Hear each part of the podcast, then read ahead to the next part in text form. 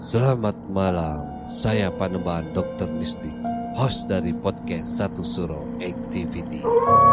Sekarang Satu Suro Activity bekerja sama dengan Anchor. Aplikasi ini sangat membantu saya untuk membuat dan publish show saya ini. Perlu kalian ketahui, ternyata membuat podcast itu sangat gampang sekali dan 100% gratis. Anchor tidak hanya mempermudah untuk membuat podcast.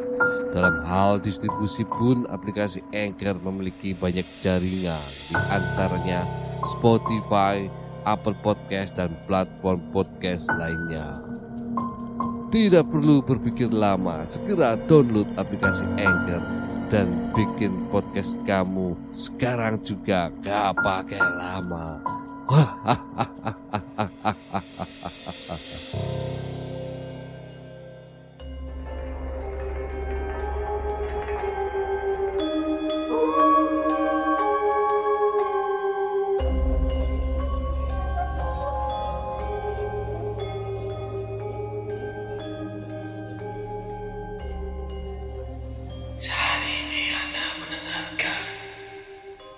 podcast satu surah bersama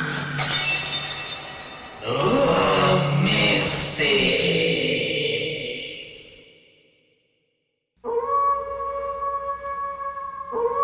Assalamualaikum warahmatullahi wabarakatuh. Selamat malam. Rahayu, rahayu, rahayu. Para pendengar satu surah activity. Saya Panembahan Dokter Mistik. Rumah, gedung, sekolahan, area perkantoran dan pergudangan tanpa kita sadari ada penghuni lain tak kasat mata ikut menghuni. Kadangkala makhluk tak kasat mata tersebut menunjukkan eksistensinya, terkadang tidak. Seperti halnya kisah mistis teror wanita baju putih. Kisah ini dari Mr. An. Selamat mendengarkan. Saya masih merinding jika mengingat cerita ini. Kejadian ini bukan saya yang mengalami. Tepatnya mungkin setahun yang lalu di tempat saya bekerja. Kebetulan malam itu keadaan di daerah kantor sepi, tidak seperti biasanya. Di malam biasa kantor saya sangat ramai dan banyak orang lalu lalang karena jam operasi yang 24 jam. Seorang supir sedang menunggu di dalam truknya sambil meminum kopi dan menghisap rokoknya. Tiba-tiba kaget, pucat, dan tidak bisa berkata-kata berlari mendatangi saya dan teman-teman di sebuah ruangan area kantor. Sambil berteriak-teriak menggedor pintu, Pak supir ini masuk ke ruangan. Ditanya, ada apa? Dia hanya duduk dengan nafas yang tersengal-sengal. Setelah tenang, kemudian dia bercerita. Ketika sedang santai di dalam truknya, dia mendengar ada suara yang memanggilnya.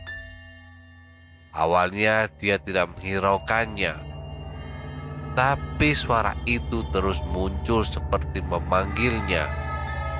Sambil mencari tahu arah suara tersebut, Pak supir ini melihat dari kaca spionnya seorang wanita berambut panjang, berbaju putih, dan mata yang melotot melihat ke arahnya sambil bergantung di tangga belakang truknya.